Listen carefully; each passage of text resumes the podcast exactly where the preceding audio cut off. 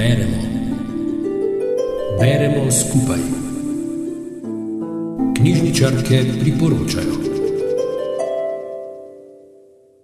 Jesenski večeri, ki so pred nami, so kot nalašč za dobro knjigo. Tudi mi si jih bomo z veseljem privoščili in skupaj brali.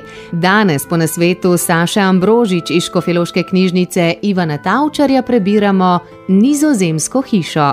Brat in sestra odraščata v skrivnostni in razkošni trinadstropni nizozemski hiši, polni predmetov in slik nekdanjih lastnikov. Oče jo je ob uspehu v poslu kupil, da bi mlada družina uživala v prostornosti lepega domovanja. Mati, po prepričanju socialistka, ne zmore živeti v takšnem razkošju, zato zapusti moža in majhna otroka ter odide v Indijo negovati sirote. Otroka ostaneta sama z molčečim in zahtevnim očetom, ki je zaradi posla večino časa z doma. Kuharica in služkinja sta dobri ženski, ki poskrbita, da sta sita, umita in oblečena, pa vendar ne moreta vsem nadomestiti staršev. Starejša sestra Maeve, ki je prisiljena na hitro odrasti, bratu Deniju nekako nadomešča mamo in je stebr moči za oba, čeprav bi bila še sama zelo potrebna vodstva, podpore in ljubezni. Kmalu oče spozna novo žensko, Ko se mačeha preseli v hišo, seboj pripelje tudi dve majhnih črki. Popolnoma slep zaradi nove ljubezni ne vidi, kako je novi ženi pomemben samo denar in razkošje, otroka iz prejšnjega zakona pa sta ji trnu peti.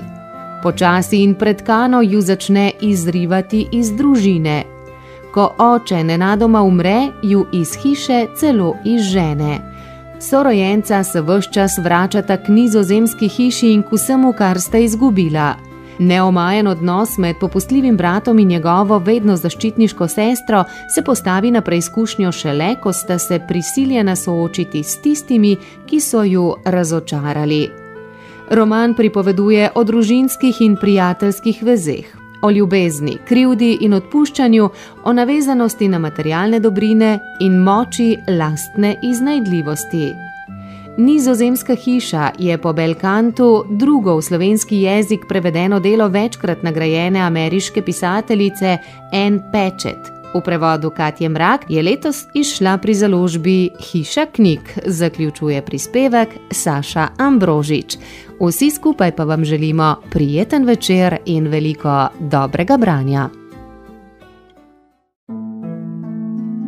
Rubrika Beremo skupaj nastaja v sodelovanju z Radijem Sora.